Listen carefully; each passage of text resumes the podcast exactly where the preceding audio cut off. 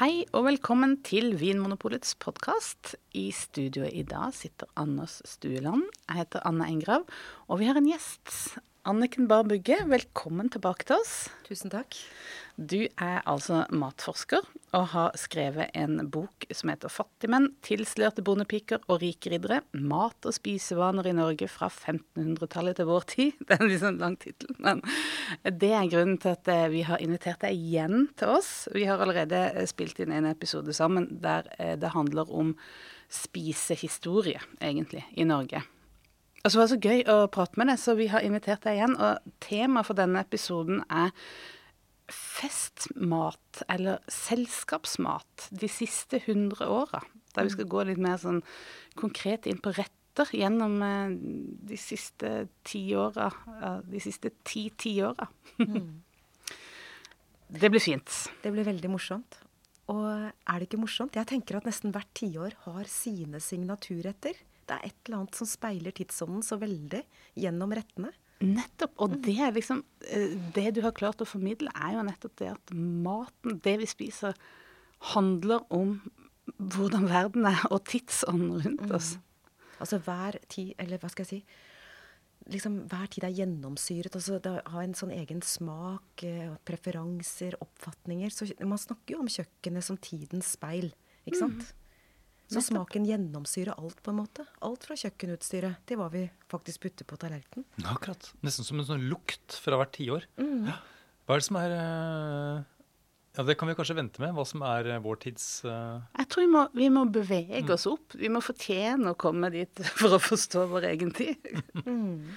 Jeg synes, Siden Vinmonopolet er 100 år, så syns jeg alt er naturlig å begynne på 1920-tallet. Mm. Eh, da, da, kommer det liksom inn i vårt 100-årsjubileumskontekst. Et sted må vi jo begynne. Mm. Så 1920-tallet. Eh, eh, hvordan skal vi på en måte beskrive det kjøkkenet, det tiåret der? Det var veldig spennende. Og igjen, altså, som jeg nevnte i forrige episode, vedkomfyren den bidro til veldig store endringer i nordmenns spisevaner. Vi fikk så mange nye muligheter. Og disse tiårene etter 1900 de blir omtalt som de store middagers epoke. Fordi vedkomfyren den ga oss mulighet til sant, å steke, koke, det å lage flere retter. Så vi begynte da å servere middager etter fransk maner med forrett, hovedrett og dessert. Og vi begynte å bruke sauser. Eh, poteten ble et selvstendig eh, matemne som kokt potet. Og så fikk vi denne steika. Så søndagssteika den startet jo med vedkomfyren. Og det var jo også festmaten vår, ikke sant. Mm. Så før det så hadde man bare poteten oppi ting? Oppi gryta. Ja. Og i tillegg, altså Vedkomfyren bidro også til at vi fikk inn veldig mye ny type kjøkkenutstyr. For det ble jo en mye mer sånn variert og avansert matlaging. Og så fikk vi serviser i mange deler, ikke sant, med sausnebb og tallerkener til ulike retter.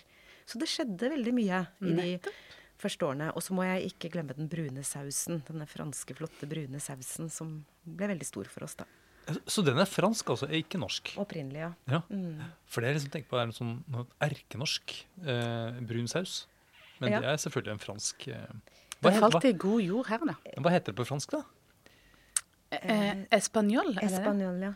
Å oh, ja, så det er egentlig spansk saus? Ja, jeg vet ikke. Det er et fransk ord på en eh, det er et spansk navn på en fransk saus.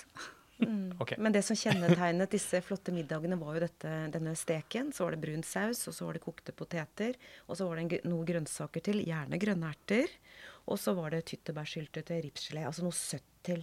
Og så avsluttet man måltidet med flotte desserter. Iskremdesserter var populært. Og det samme med bærgrøter, da. Nettopp.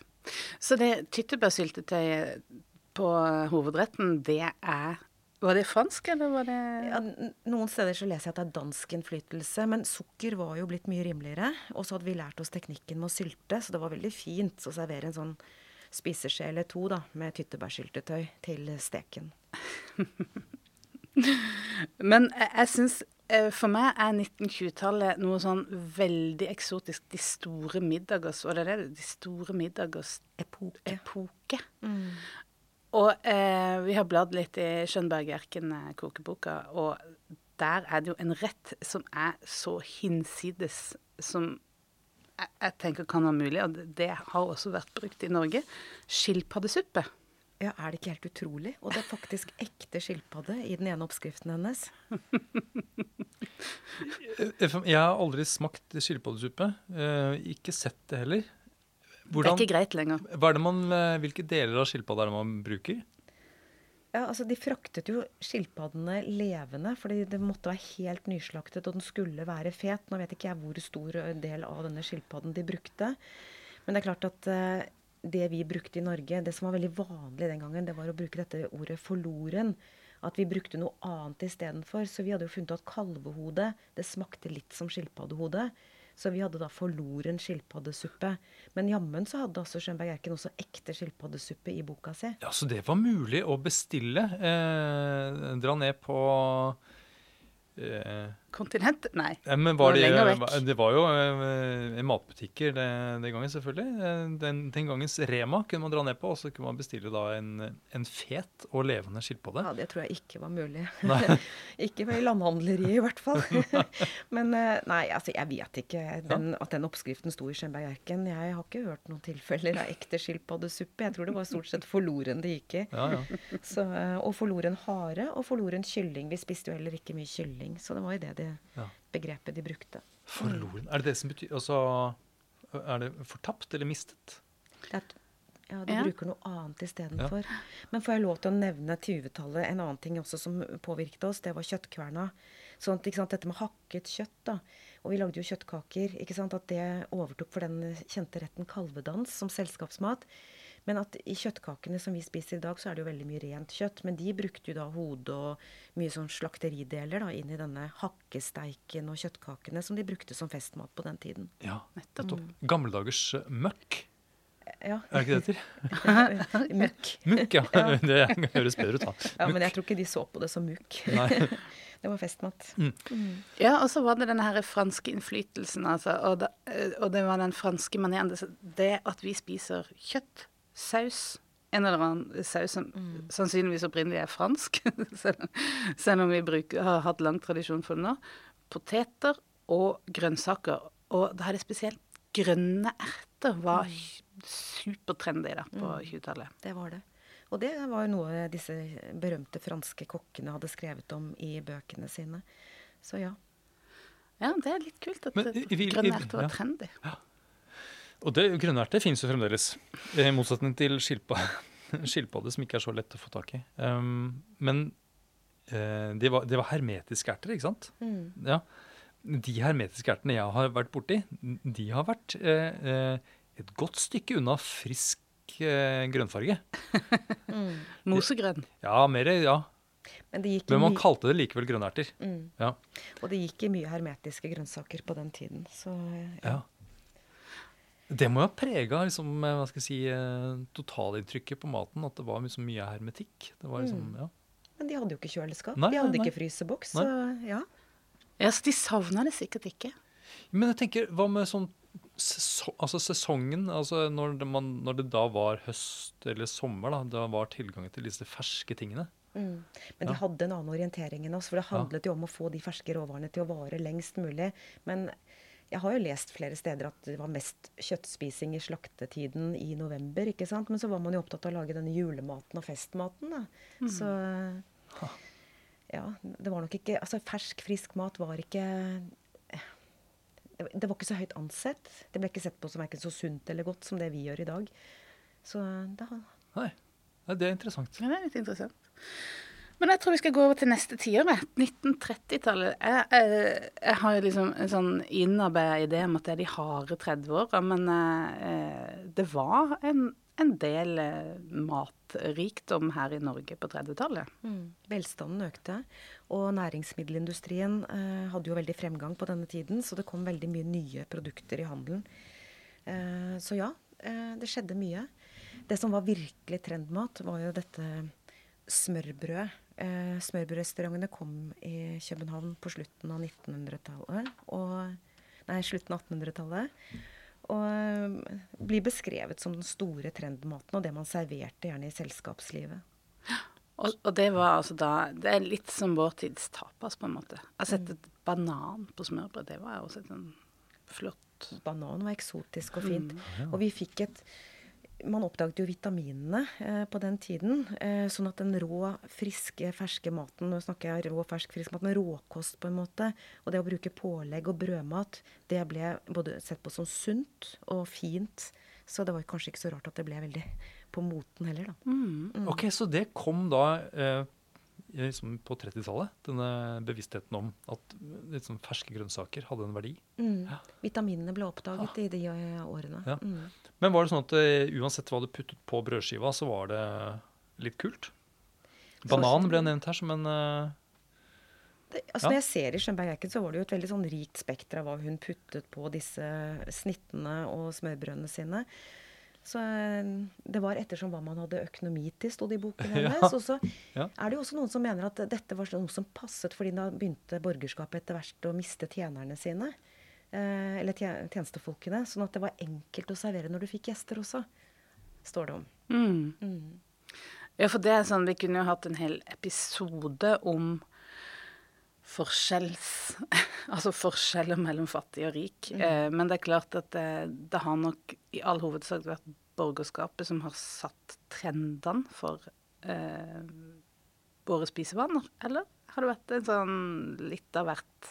I uminnelige tider så har det på en måte vært de rike og velstående som har ledet an i matkulturelle endringer, helt fra vikingtida ikke sant? til eh, ja, dagens urbane middelklasse, for å si det sånn. Sånn at eh, på, i mellomkrigstiden, det var jo de som hadde økonomi til å ha selskapelighet, til å kjøpe de fine råvarene og ingrediensene. Ja, Jeg husker jeg, jeg var med min mormor på Stenostrøm, på kafeen der. Det var på 80-tallet, tidlig på 80-tallet. Mhm. Og da var det selvfølgelig karbonadesmørbrød og rekesmørbrød. Ja. Og det var, de ble bedømt ut fra hvor mye det var på. Ja, å ja. Det husker jeg. Mm. Mm. Høye smørbrød. Høye smørbrød, ja, jo høyere de er. Der Der er det mye reker på. Der Men det er gå. ikke så mye smørbrød lenger nå. Nå er det liksom eh, ciabatta og ja, andre typer ting. Ja. Så det var liksom, ja. Jeg fikk med meg en liten rest da, i hvert fall av denne smørbrødkulturen. Men du vet jo hva pizza ble kalt da den ble introdusert for nordmenn. Det var jo smørbrødterte. Så det var på en måte en ny versjon av smørbrød. ja. Ja, så nettopp så denne smørbrødkulturen den la egentlig grunnlaget den for, eh, for pizzakulturen senere. Ja, i hvert fall var det sånn den ble introdusert. Men vi må videre til 40-tallet. Det er jo selvfølgelig dominert av andre verdenskrig. Eh, og jeg syns eh, Jeg har lest i boka di at eh, da tyske soldater kom til Norge, så ble de eh, imponert.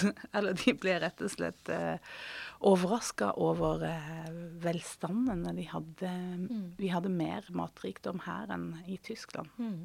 Nei, det, det var flere beskrivelser av at de tyske soldatene syntes det var helt fantastisk vareutvalg i de norske kolonialbutikkene, og at vi hadde et veldig flott spisemønster. Men det tok jo brått slutt da, da krigen brøt ut. Så jeg må jo si at jeg har vært veldig imponert over hvor kreative ja, husmødrene var eh, i de krigsårene. Til å utnytte ressurser, det å erstatte det de var vant til, med andre typer retter. Og det kommer jo også frem av selskapsmenyene, hvis jeg skal kalle det det, eller de finere middagene, da. Ja, det var jo store anledninger under krigen òg. Det var jo et slags dagligliv. da. Hva, hva, hva, hva var selskapsmat under krigen? Ja, så jeg fant jo dette begrepet krisekake. Det var en bløtkake med jøssing eller krisekrem. Og jøssingkremen den var laget av poteter, ikke sant. Eh, og så beskriver de videre krisekaken som en sånn fyrstekake med fyll laget av poteter, malt brunet havregryn og mandeldråper. Så det var kaken. Og så serverte de da fårikål uten får. Og da brukte man altså poteter, gulrøtter og kålrot, purreløk og la det lagvis, og ikke kjøtt. Ja. Og så bytte byttet man jo ut det kjøttet man var vant til med kanin. ikke sant? Så man serverte jo også kaninkjøtt. Det tror jeg ikke vi har drevet med siden. Og så eh, var det jo stadig flere byfolk som fikk sine egne griser og høner og kaniner. Og det fikk navnet villagris og villakaniner og villahøner. Så folk var jo kreative. Ja. Mm. Det å da ha et, e- en egen gris det, Hvis du først slakta den, så var det vel da et poeng også å bruke alt, regner jeg med? Helt sikkert. Ja. Også det at de byttet, for de syntes jo det var ubehagelig å spise sin egen gris, ikke sant. så, de, ja, nettopp, så, de har avtalt et sånt der grisebytte mm. i nabolaget. Ja. ja, man spiser jo ikke vennene sine. Men også dette som Altså, de brukte jo kråke og trost, ikke sant. Altså, det var jo andre ting Altså, det var kreativt. De Ja. var flinke til å, Men, å finne ja. en løsning på matknipa. Ja, for Du nevner altså kanin og trost, som jeg tenker er jo tradisjonell mat eh, lenger sør i Europa. Mm. Eh, men som ikke vi eh, Så jeg tenker Det kunne vi egentlig ha fortsatt med. Eh, både trost og kanin. Det er så mye vi ikke vil spise i dag. Og jeg husker for noen år siden så så jeg en sånn blindtest på kråke og rype. Og da hadde Ja. kråka faktisk kommet bedre ut i testen òg. Så ja. Ja, det er jo Altså, trost er jo en slags vaktel. Ja. Mm. Det burde jo vært eh, egentlig Jeg tror en del ornitologer ville protestert, men eh, Hvis vi ser litt stort på det. ja, ja, på størrelse med vaktdyr. Mm. Men jeg har lyst til å nevne hva de serverte til denne krisekaka. Det var ertekaffe, da. Så Ja. De lagde jo Igjen kommer ertene inn, da. Ja. eh, Og lagde kaffeerter. Som de brant, da. Det ble liksom svidd. Mm. Det kunne, det kunne jeg godt tenke meg prøvd, egentlig. Den der fyrstekaka du nevnte, Mhm. den med disse potetene og mandeldråpene. Ja, jeg er ikke helt fremmed for det, faktisk. Mm. Og kråke også, for så vidt. Kråke er litt interessert. Men jeg så de kokte den kanskje i skummamelk og hadde oppi litt einebær. Og at det, det er veldig magert. Lite Mm. fett, egentlig. Og hjerte- og kardødeligheten gikk jo ned også under annen verdenskrig. Mm. Og kråkedødeligheten, da. Ja, den gikk vel opp. Men uh, det jeg skulle si var at på slutten av 30-tallet så begynte man faktisk å bekymre seg for overernæring, eh, overvekt, hjerte-kar-problematikk. Så det kom frem i kokebøkene på slutten av 30-tallet. Og da var det snakk om at vi hadde blitt så rike, og at kvinnene hadde fått så gode kunnskaper på kjøkkenet, så de fòret sine menn til døde. Ikke sant? Ja. Det Lite visste de hva som venta. Mm. Men eh, vi eh, haster videre til 50-tallet, da. Da er jo krigen over, og eh, behovet for å liksom legge dette krigsmenyen bak seg var stort, regner. Mm. Det de sa, eh, eller når jeg leser gjennom intervjumaterialet, var at det var om å gjøre å legge det bak seg. At man ville glemme. Det hadde vært så mye savn. Eh, så det ble på en måte en sånn eh, nesten litt sånn fråtsing. Så meierismør, som de hadde drømt om, og kjøtt, ikke sant, det var kjempestort. Og så var det denne veldige avstandstagen til alt som var tysk. Så vi byttet ut uh, tyske folkeølet vårt, Bayer, med tsjekkisk pilsner. Og så kom det enormt mange ulike typer hva skal jeg si, matretter og produkter fra USA. Så um, himmelsk lapskaus, altså fruktcocktail, er ett eksempel på amerikansk innflytelse som kom inn for fullt på 50-tallet. Nettopp. Som da var en dessert, Mm. rett og slett. Og det å drikke Coca-Cola, altså det begynte man jo eh, Det var jo etter OL eh, i 1952 at det virkelig kom inn i den norske drikkekulturen. Da. Ja. Så det var jo festdrikk, Coca-Cola. Med masse sukker, og det skulle være fullsukret drikke til maten. da. Ja, for det var det motsatte det man hadde hatt. Mm. Altså, og man orienterte seg egentlig mye mer mot amerikansk, eller altså kulturen i USA. Mm. Ja, altså. Og, og det var da eh, hamburger og hotdog og dette kom som sånn eh, fast food og sånn snackbarer kom inn i Men det er jo kanskje ikke festmat på den måten som vi snakker om nå. Ja, si ikke det. Altså pølse, Ja. hotdoggen, det var på en måte også veldig trendy, og den store ungdomsmaten. Og noe vi ikke skal glemme, er disse barnemenyene. Fordi at plutselig så eh, så var det liksom slutt på det at man innlemmet barna i den voksne menyen. Man lagde egne menyer, og der sto det veldig ofte pølse eh, på bordet, altså. Ikke sant? Det var supertrendy å servere barnemeny til Pølse, eller sånn hotdog, og Coca-Cola. Og så is, da. Ja. Men eh, så var det den her næringslivsindustrien som eh, virkelig sto sterkt. Mm. Det jeg syns var morsomt, er når du leser altså, ingeniører fra Norges tekniske høgskole som har en sånn kritikk av folk som driver lager hjemmelaget mat, når de heller kan bruke det næringsmiddelindustrien lager. Og det var jo også det de brukte når det var festmat. Buljongterningen var kjempefin. Fiskepudding, ikke sant. Og ja, ferdig kjøtt og fiskehermetikk ble brukt også som festmat. Det ble sett på som fint. Ja, nettopp. Hm. Og med det så kom da retter som eh, sånne ferdigstøpte terteskjell, f.eks. Kom, kom det på 50-tallet? Med fiskepudding oppi, ja. Ja. Mm. Og så hadde du disse kabaretene hvor det også var fiskepudding. Så jeg har lyst til å nevne fryseteknologien som jeg tror var en av grunnene til at vi plutselig begynte å spise reker som festmat. Frosne reker. Så det uh, var jo også noe som virkelig kom inn på den tiden. Og vi brukte de kabaretene i terteskjellene, ikke sant. Ja, ja, ja. ja, for det terteskjellet er jo virkelig flott, da. Ja, jeg tror at jeg Kanskje jeg er en sånn femtitallsmann, i hvert fall sånn på mat. Jeg, jeg, jeg liker f.eks. kabaret. Mhm. Eh, jeg liker reker, og, jeg, også, og, gjerne i terteskjell også. altså. Det er noe veldig skulpturelt over kabaret, fordi den, eh, du kan jo bestemme formen sjøl, og så kan du putte inn du kan, Det er jo en, eh, Ja, en oppsats jeg av en rett. jeg tenker at det er en, nesten som en magisk rett. At det er sånn, som en sånn illusjonist som ligger og, og liksom svever over et bord. Så gjør liksom disse, de tingene som er puttet inn i kabareten, de ligger liksom og svever eh, inni der. Men det er jo mye teknologi som ligger bak det. Både den der eh, gelatinen, og ofte var det jo hermetiske ting som ble putta inn i, og dette her eh, fiskepudding som ferdige fiskeprodukter. Nettopp. Høyteknologisk mat, ja. Ja, og da kom jeg inn på det med tidsånden. Fordi vi hadde en sånn teknologioptimisme, og vi, det, var, liksom, det var masse teknologi eh, på kjøkkenet som kom inn. Mens i dag så vil vi ha mest mulig naturlig, minst mulig bearbeidet. Så det var en helt annen orientering. Ja, det var den gangen man eh, drømte om at en gang i sånn, når år 2000 så skulle man få Da var det sånn eh, piller som var middager, og man skulle ha eh, Alle hadde sitt eget fly eller litt sånn romskip som de kjørte Man hadde ja, en framtidsoptimisme, ja. Og disse ingeniørene du nevnte, som syntes det var håpløst at husmødrene ikke liksom kastet seg på disse nye eh, ferdigproduktene. Ja, skulle drive med sånn gammeldags matlaging. Mm.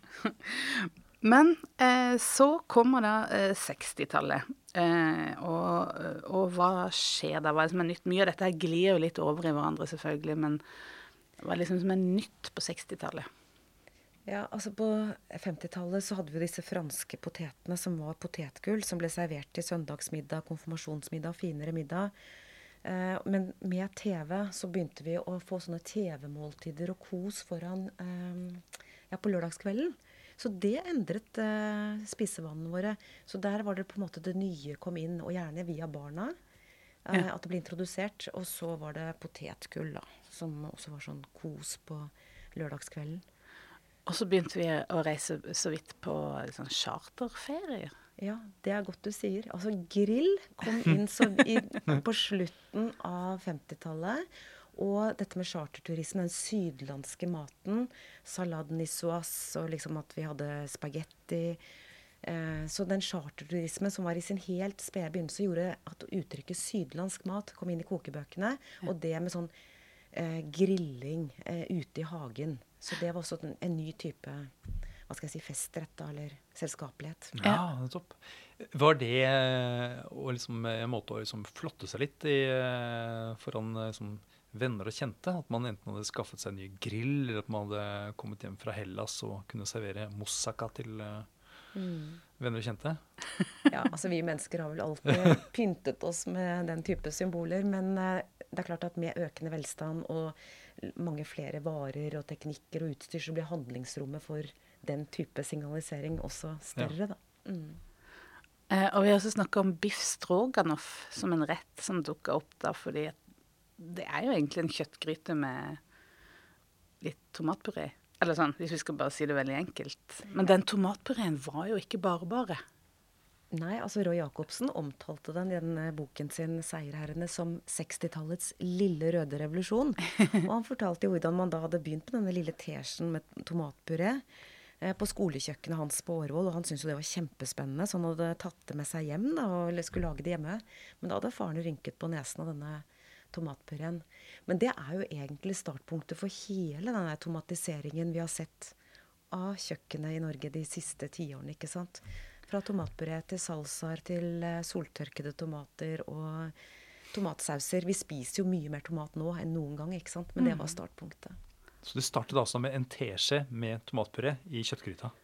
Ja, altså vi hadde jo spist tomat før det, men virkelig altså, ja, det, det- det ble veldig populært. I dag er tomaten mest spiste grønnsaken i Norge. Ja, det, er- det syns jeg er interessant. eh, At Ja. det, det begynner med det der. Og så var det ketsjup, selvfølgelig. Det, eller spiser man ketsjup til, eh, til hotdogen hotdoggen eh, ja. på 50-tallet? Ja. Og Gino Valente, da han åpnet sin første italienske restaurant, så ville nordmenn ha ketsjup til spagetti. Det hadde han aldri hørt om. Det syntes han var helt uh, hårreisende. Så uh, ja. Men så kommer uh, 70-tallet, da. og det blir en sånn slags motbevegelse mot mm. alt dette, disse flotte spisevanene vi har lagt oss til. Hvis man ser i Skjønberg-erken, så ser man jo alle disse hva skal jeg si, bordoppsatsene om, og liksom de flotte bordene hun har, så var det på en måte en motkultur. Man skulle gjøre det mer uformelt. Man kunne gjerne servere gjestene på gulvet. Det skulle være papptallerkener, papirservietter. Gjerne ikke servise som var til tolv, gjerne sånn hummer og kanari. ikke sant? Mm. Og så fikk man fondy, f.eks. Altså det at man skulle sitte rundt en gryte. Det skulle være uformelt. Mm. Du skulle bryte med denne tallerkenmodellen. Du skulle bare sitte der med mm. rent kjøtt. og olje, eller å dyppe brødet ditt i flytende ost. Mm. Altså, det, er jo, det, er jo, noe litt sånn dekadent over det. Ja, og så var det den 68-generasjonen som gjorde et oppgjør mot det borgerskapet og liksom den ja, de fine, formelle middagene, da. Ja, fordi disse formelle middagene de hadde man egentlig fortsatt med eh, etter krigen også, selv om det hadde kommet hamburger og, mm. og sånn type mat. Ja. ja. Men så skulle man på en måte gjøre litt sånn oppgjør mot den kulturen, da. Ja. Men uh, man sier jo om disse 68-erne at de hadde god smak, men de luktet så vondt, for de var jo tidlig ute med hvitløken. så den, uh, den kom jo også inn for fullt i det. Men, men, da som fersk hvitløk eller hvitløkspulver? Nei, det var nok hvitløkspulver. Ja. Mm. Ja, stemmer det at hvitløkspulver gjør at man lukter mer enn fersk hvitløk? Eller er det Kanskje vi må gjøre en liten undersøkelse av det. Ja. Jeg syns jo ikke hvitløk lukter noe lenger. Det var så mye snakk om at man lukter som vondt av hvitløk. Men det er antakeligvis fordi du spiser hvitløk selv. Er det, er det ikke sånn? Man blir eh, hva skal jeg si, liksom, man blir det man spiser. Eh, luktblind for uh, ja. Ja, Hva som smaker godt og vondt, det endres. Og ja, ja. sikkert hva som lukter godt og vondt. Og... Ja, Men man lukter når det er sånn uh, harsk hvitløk som har ligget lenge, som er litt gammel. Ja, Gjelder ikke det all hvitløk? Jeg kanskje du gjør det. Hmm, her føler jeg vi må, her må forskes ja, det, mer. Ja, akkurat det med, med at folk lukter det man spiser. Ja, mm. jeg har jo hørt historier om at uh, eh, i land der det ikke er en kultur for oss å spise så mye melkeprodukter, mm. så eh, jeg har hørt at de ønsker gjerne at de, de europeiske turistene blitt samles gjerne på ett sted på hotellet, fordi det lukter så mye sur melk. Mm. Rett og ja. Men du, jeg kom jo ikke Nå må jeg bare tilbake ja, til ja. smørbrødterta og pizzaen. For den ble jo sett på som en sånn eksklusiv, litt sånn trendsettende rett eh, på Oslo vest på 60-tallet. Mm. Og den ble første gang nevnt på slutten av 50-tallet i de norske kokebøkene. Eh, den kom for fullt inn på 70-tallet, ikke sant? Ja. Som en sånn eh, ja, ny festrett, på en måte. da. Og gjerne på lørdagskvelden. I mm. serviett. Mm. Ikke på mm. Den passet inn i det uformelle, det nye. Mm. Og det er jo eh, litt morsomt det der at man eh, viser sin eh, sosiale posisjon med hvordan man spiser, og hva man spiser. Mm. Det syns jeg blir veldig tydelig der, men det er jo egentlig noe som er, man kan si om alle til alle tider. Og dette uttrykket 'si meg hva du spiser, jeg skal si deg hvem du er', jeg mener jo at det har blitt enda mer 'si meg hva du ikke spiser'. fordi at listen over hva vi ikke vil spise, blir jo bare lengre og lengre. ikke sant? Og Men disse 68-erne de spiste jo ikke seipanetter. Så da hadde plutselig næringsmiddelindustriens flotte frossenprodukter ikke samme status lenger. ikke sant? Ah, ja, det gikk så fort, ja. At allerede hadde begynt å stinke litt. Mm. Men hvilket miljø var det som starta med pizzaen, da? Eh, det var disse finere fruene på Frogner som serverte det som klubbretter i sine venninne, eh, hva skal jeg si, venninnetreff og sammenkomster. Jøss, yes, så de var en sånn form for matavantgarde ja. i Oslo? Ja, og det var jo også Liv Caprino på Snarøyen hovedgård var også en av de som på en måte introduserte dette for den, det miljøet i Oslo, da. Mm. ja, eh, men eh, så drar vi da videre til 80-tallet. Jeg forbinder det med jappetid. Eh, litt sånn overflod, litt sånn overfladisk, egentlig. Mm. Hvordan eh, det, Stemmer det med dine betraktninger? Eh, 80-tallet, biff. Altså det var eh, veldig økende kjøttforbruk eh, mm. i det tiåret. Så da, Før så hadde vi jo spist oksestek, og vi brukte på en måte mer av de andre delene av oksen, men så ble liksom biffen ble veldig stor på 80-tallet. Og gjerne med bakt potet og bearnés. Ja, ja, det Så kalde sauser kom også mer. ikke sant? Vi fikk, altså vi fikk mer ja, Den brune og hvite grunnsausen fikk flere konkurrenter da, i Ja. løpet av det tiåret. Mm. Jeg forbinder også 80-tallet med rekecocktail og hollandes. Nei, ikke hollandes, men Thousand Island. Ja. Oh, ja. Eh, Men det er kanskje Det stemmer kanskje ikke da, at rekecocktail liksom først kom på 80-tallet. Det er, Jeg ser for meg at det kanskje er en gammel ja. Jeg skal ikke være sånn helt bombastisk, men jeg tror rekecocktail som rett, den hadde sin storhetstid på 80-tallet. Uh, Ja. Så Ok, ja. så da jeg husker, husker riktig. ja, Det var nok en av signaturrettene på 80-tallet, vil jeg si. Mm. Og eh, jeg, jeg så i boka di at kuleis var en av de nye ordene som kom inn på 80-tallet. At man, det at man hadde liksom flere is. Man kunne Du hadde ikke bare én type lenger, du hadde liksom flere kuler med is. Jeg har lyst til å nevne foodprosessoren også. Den kom inn for fullt i løpet av det tiåret. Og den bidro jo også til veldig at vi begynte å lage mange nye typer blandinger på kjøkkenet. ikke sant? Så den eh, preget også spisevannene våre. Og så var det en ny trend som kom i det profesjonelle kjøkkenet, som heter Novelle cuisine. Eh, som var på en måte et brudd med dette hot cuisine, den tradisjonelle franske kokekunsten. Eh, og der var det mer sånn sesongbasert, det skulle være mer minimalistisk. Og det var i 1982 at Bagatell eh, åpnet i Oslo, som en restaurant som drev med den type kjøkken. da. Og Eivind Hellstrøm blir vel beskrevet som hva skal jeg si, eh, den mest fremtredende personen innenfor den retningen. Så det også endret måten vi serverte mat på, tallerkenoppsetninger osv. Men det tok jo tid, da. Mm. Men det var da man kunne sitte på restauranten, så fikk man da sånne, kom sånne kjempestore tallerkener ut på servert foran deg. Mm. Med sånne tre sånne kokte gulrøtter og litt rogn i midten. Mm.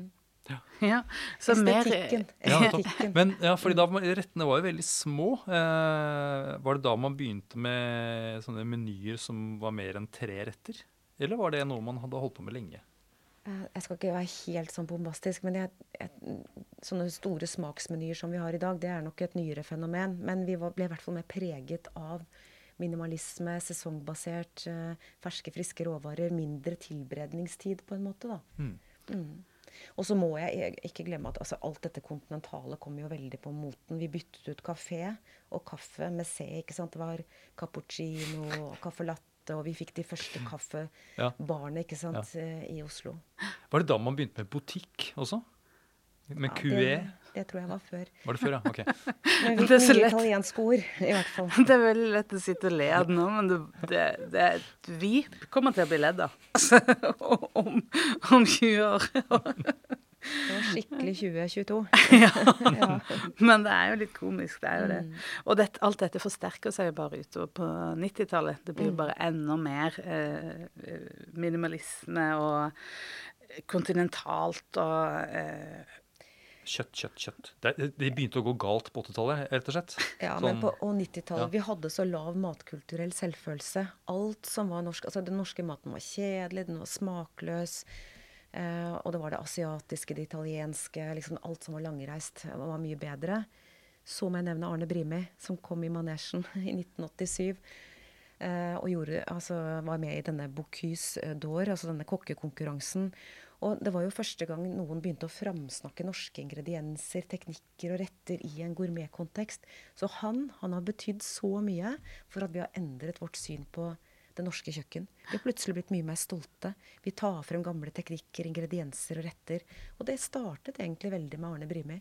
For hele 90-tallet var preget av dårlig selvfølelse når det gjaldt mat. Så han var på 90-tallet unntaket som bekrefter den regelen. Altså Han begynte jo å bli kjent i 1987 eller på slutten av 80-tallet. Og så kom han med veldig mange bøker utover 90-tallet. Og så fikk vi jo Bent Stiansen som vant uh, kokke-VM, ikke sant. Og Ingrid Espelid Hovik som var så flink til å invitere disse kokkene inn. Og, og TV-seerne på en måte fikk en innsikt i disse fantastisk flotte rettene, da. Så det skjedde mye på 90-tallet. TV-kokkene kom inn, og vi ble plutselig mye mer stolte av det norske og det nordiske. Men vi spiste allikevel mest italiensk. Pizza, pasta, Ja. risotto. Og vinforbruket økte. Altså Vi begynte å drikke vin i så mange nye sammenhenger, og det var stadig flere grupper som drakk vin. For hvis du ser på 50- og 60-tallet, så var det jo bare de med høyest inntekt omtrent som drakk vin. Men eh, der også endret det seg veldig. Mm. Ja, og nesten halvparten av vinen som ble konsumert, ble kjøpt på restaurant. Eller altså uh, serveringssteder. Mm. Og så begynte vi å spise mye mer på restaurant. Det Ja. også skjedde i Ja, den perioden. ikke sant? Det ble mye mer hverdagslig aktivitet. På 50-tallet så var det jo sjelden du gikk ut, og da var det en spesiell anledning. Men så plutselig ble det en del av spisemønsteret vårt. Hvor de aller fleste spiser regelmessig ja, måltider utenfor hjemmet. Og dette med liksom kalde retter. Eh, At sushi kom inn, og at eh, en middag kunne være kald og ikke tilberedt. Det er jo også noe som skjer Det blir en ganske dramatisk endring da på 90-tallet. Tapas, småretter, at vi endrer liksom måltidsformen. Buffeen og det norske koldtbordet endret jo form med tapasen. Jeg syns sushi er veldig spennende. Det kom jo til USA ved, altså etter annen verdenskrig, og da ble det sett på som en sånn eh, etnisk mat. Men det var først gjennom denne filmen Wall Street at det liksom Det ble sånn jappematen. Det ble trendy og mote i Vesten. Og så bare bredde det om seg. Og at det passet så godt med vår tid. Hvor vi var mer opptatt av sunnhet og helse. Det skulle være magert. Riktige fettstoffer. ikke sant? Og det var mer minimalisme. Så det har jo bredd om seg over hele verden, på en måte, denne sushitrenden. Og det er veldig estetisk. Også. Veldig estetisk. Ja. Og så har vi jo den norske lakseindustrien, som har vært, eh, de har vært med å forme sushikulturen. Ikke sant? Ja. Ja. Og at sånn der laksenigiri egentlig ikke er så vanlig i Japan. Men igjen, det er jo så typisk for hvordan man tar nye retter inn i en matkultur. Man tilpasser ut fra hvilke råvarer og ingredienser man har tilgjengelig. Og man ønsker heller ikke å sjokkere ganen i for stor grad. Så man liksom tilpasser smakene til noe vi er vant til fra før. Ikke sant? Og samtidig skal det være litt sjokkerende, litt uvant og nytt, ikke sant? Og så er det interessant hvordan det passer med det derre Ja, med tidsånden, rett og slett. At vi skal være mer kontinentale. Og nå har vi fått inn denne cevichen, ikke sant. Så det er på en måte en ja. Ja, hvor er vi da? 1990? 19, 2000? Nå, nå går vi over til 2000. Ja. Nå, har, eh, nå, nå er vi altså eh, kommet forbi Y2K. Da er vi, ja, nettopp. Så da skulle vi egentlig spist piller til middag. ja. Men det gjør vi ikke. Nei. Ja, for det, det du eh, sier om Arne Brimi, er at nå har det på en måte snudd litt. Det toppa seg kanskje på 90-tallet, og så har vi kanskje nå pendelen i ferd med å snu litt på 2000-tallet. Ja, og da fikk vi det nordiske kjøkkenmanifestet. Det tenker jeg det var vel rundt 2002-2003. Og så fikk vi Noma, eh, denne danske restauranten som ble kåret til verdens beste restaurant. Det er klart, altså, Vi begynner jo å sprekke av stolthet. ikke sant? Sånn at, eh, ja, eh, Det var utrolig mange flinke kokker, og de fikk også veldig stor oppmerksomhet i internasjonale medier. Så det nordiske eh, ble løftet frem som på en måte det, store kjøkkenet på begynnelsen av 2000-tallet. Og det var dette med det sesongbaserte. Det skulle være lokalt, kortreist. Dyrevelferd kom på eh, dagsorden. Og at det skulle være veldig liten tilberedning, da. Og hjemmelaga, kanskje også. Ja, det også. Og det å, å høste selv, ikke sant, ute Ja. i skog og mark. Så amatørkokkene kom virkelig på banen. At det ble det ble den nye på en måte Der på 90-tallet har man kanskje vært opptatt av musikk, men så på 2000-tallet så var det matlaging. Mm, stemmer det. Hvor liksom eh, man, kaller kanskje ikke, man kaller det ikke jernvarehandel lenger, men eh, ja, jeg kaller det det likevel. Ja. Ja. Eh, de var liksom fylt opp med skruer og mutter og sånt nå, fram til eh, år 2000. Og så etter det så ble det alle slags typer eh, kjøkkenmaskiner og kniver og, og slikt. ja. Og det så man jo at sant, På midten av 90-tallet så snakket man om at nordmenn ikke var noe interessert i mat og matlaging. Det var feil den gangen, og det er i hvert fall feil nå. Men man ser jo at det har vært en sånn veldig økende interesse for det å lage mat. Og det å investere i kjøkkenutstyr og teknologi på kjøkkenet. Så ja. Og det har også hatt et oppsving nå etter korona. Så det, vi er veldig interessert i å kjøpe utstyr til kjøkken og lage mat. Og så tenker jeg også dette med salg av kokebøker tok jo av på 90-tallet. Du fikk veldig mye TV-programmer om mat og matlaging. Så interessen den har vært økende gjennom de siste 10-20-30 årene. Altså. Mm. Hm. Og, det har du nevnt, det har for, for så vidt skjedd kanskje litt før 2000, men det at eh, også kjøkkenrommet har endra seg. At det har blitt et mer sånn sosialt rom der man er sammen og lager mat. og man, ja, At det er et, et mer sånn oppholdsrom mer enn et laboratorium. Altså Disse tiårene sklir jo litt over i hverandre. Men eh, da TV-en kom, så ble på en måte matlagingen mer en sånn offentlig aktivitet. Og etter hvert så ble det jo slik at disse 50-tallskjøkkenene, som var veldig sånn lukkede rom, at vi begynte å rive kjøkken, altså gjøre, lage åpne kjøkkenløsninger. Og det alle skulle ha utover 2000-tallet, var denne kjøkkenøya, ikke sant. Ja. Så den, den kommer i stadig flere hjem, kjøkkenøya. Mm. Eh, og en, en rett som jeg syns er litt morsom fra som Vi på en måte har tidfesta et sted til 2000 uten at det skulle være sånn pinlig nøyaktig, men sjokoladefondant. Mm. Det sier jo, sånn- altså Desserter er jo på en måte Det er jo to spor vi føler her. Hovedretter og desserter. på en måte. Sjokoladefondant, det var jo eh, veldig avansert, egentlig. Ja, det var på en måte den som overtok for sjokoladepudding. Ja. Pudding var jo en veldig vanlig dessert. De har kompotter. Eh, det er litt sånn ul... Altså, man, sjokoladefondant kommer jo på alle menyer. Og det er litt eh, diskutert hva det var som var opphavet. Men noen påstår at det var en kokk i New York som tok ut sjokoladepuddingen for tidlig. Så det ble kalt sånn lavakake hvor sjokoladen rant eh, Ja. utover. Og så smakte det så godt. Men nå er man ikke helt enig om det faktisk er opprinnelsen, da. Men eh, veldig mange av de nye dessertene og kakene våre det, på den tiden kom fra USA. da. Mm. Mm.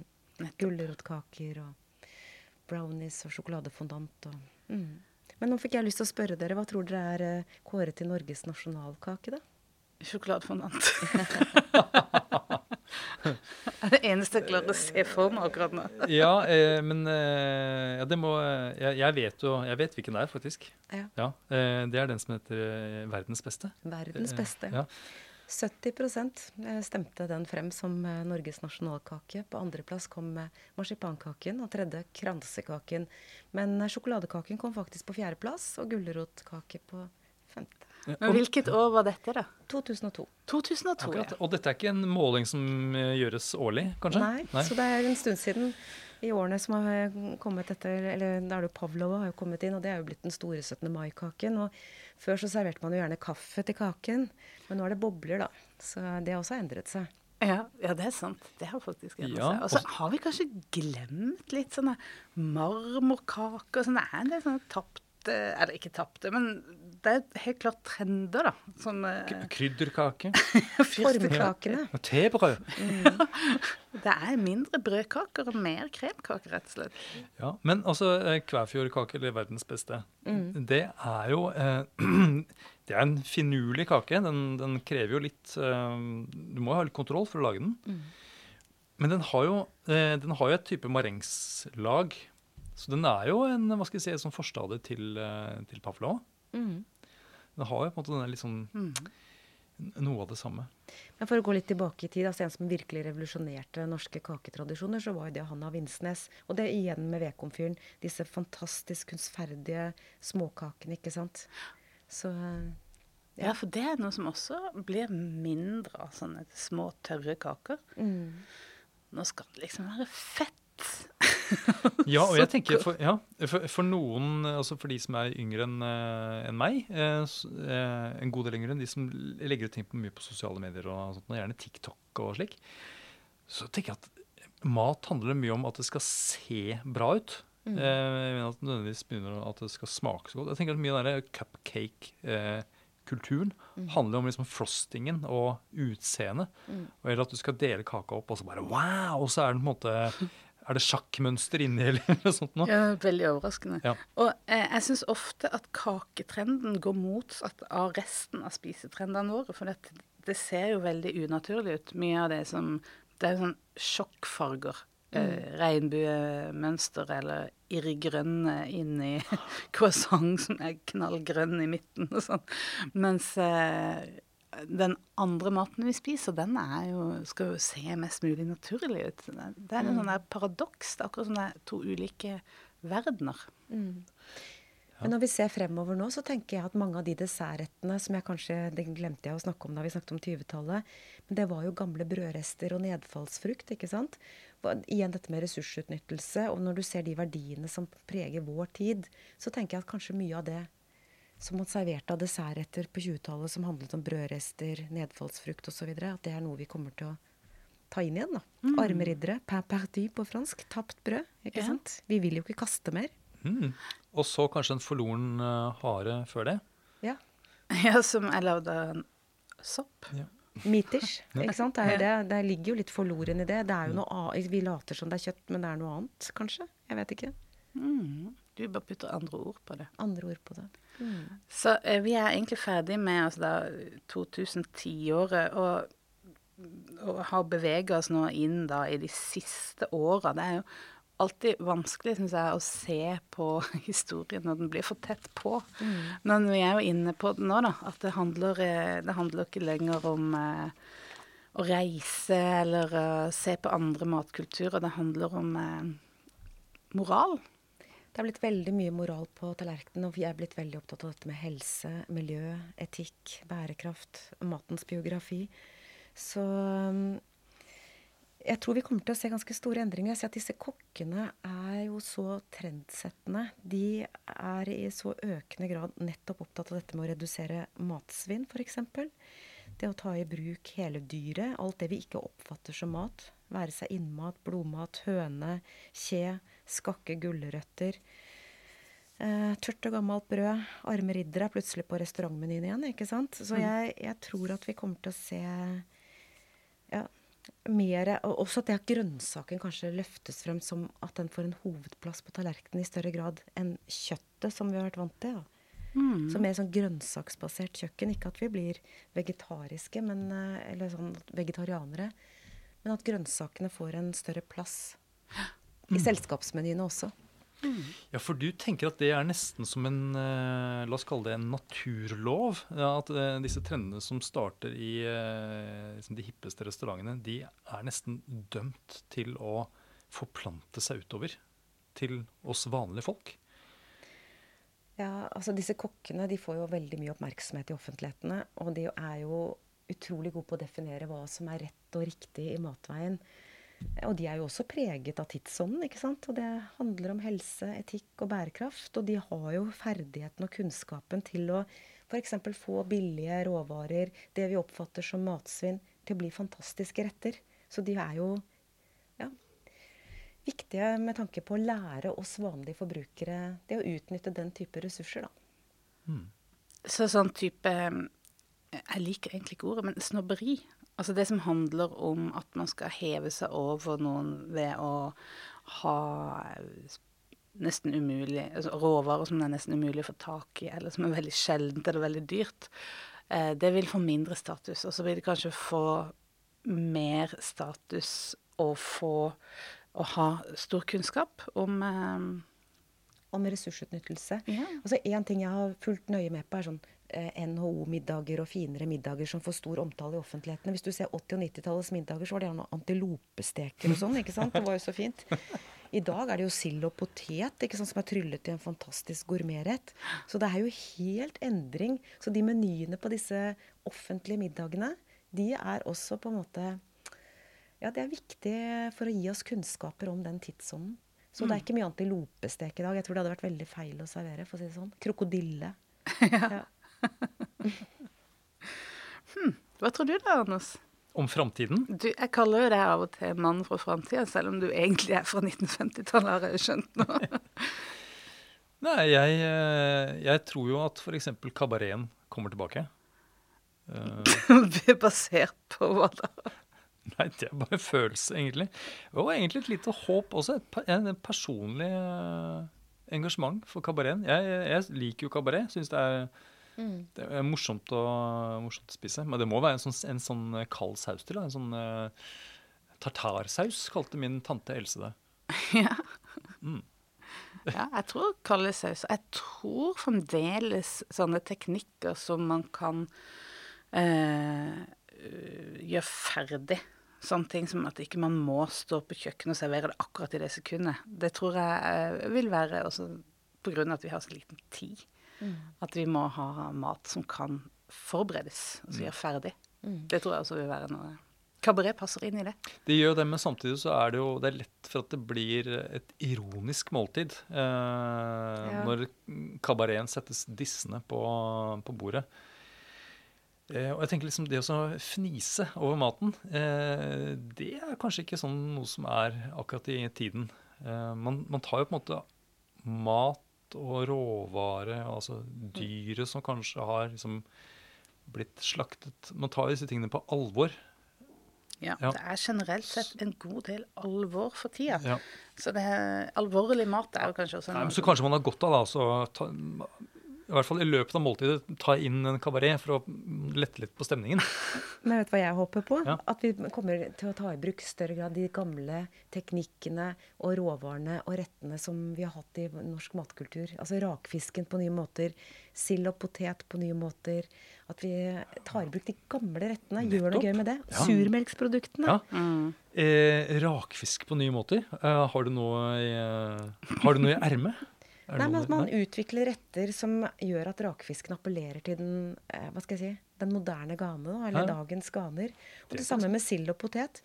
Det er jo, altså, jeg tenker at i utgangspunktet fantastiske råvarer som er lett å produsere i Norge, og som er sunne, gode, og man kan sikkert lage veldig mye spennende ut av den type ting. da. Mm. Og selvfølgelig skakke gulrøtter og avfall, gammelt brød. At man greier å utvikle gode, fantastiske retter. Ja, det syns jeg er en veldig god eh, oppfordring. Du, Danne? Eh, jeg, jeg tror på eh, mer dessert generelt. Eller er det kanskje et håp? Jeg vet Ja, ikke. Jeg, Marmorkaken. Jeg, jeg, følger, jeg, jeg følger spent med, i hvert fall. Marmorkake, ikke minst. Og kvæfjordkake. Sjokoladefondant. I det hele tatt. Takk for at du hører på Vinmonopolets podkast. Har du forslag til et tema i podkasten? Send mail til podkast at vinmonopolet.no. I tillegg svarer kundesenteret deg på e-post, chat og telefon.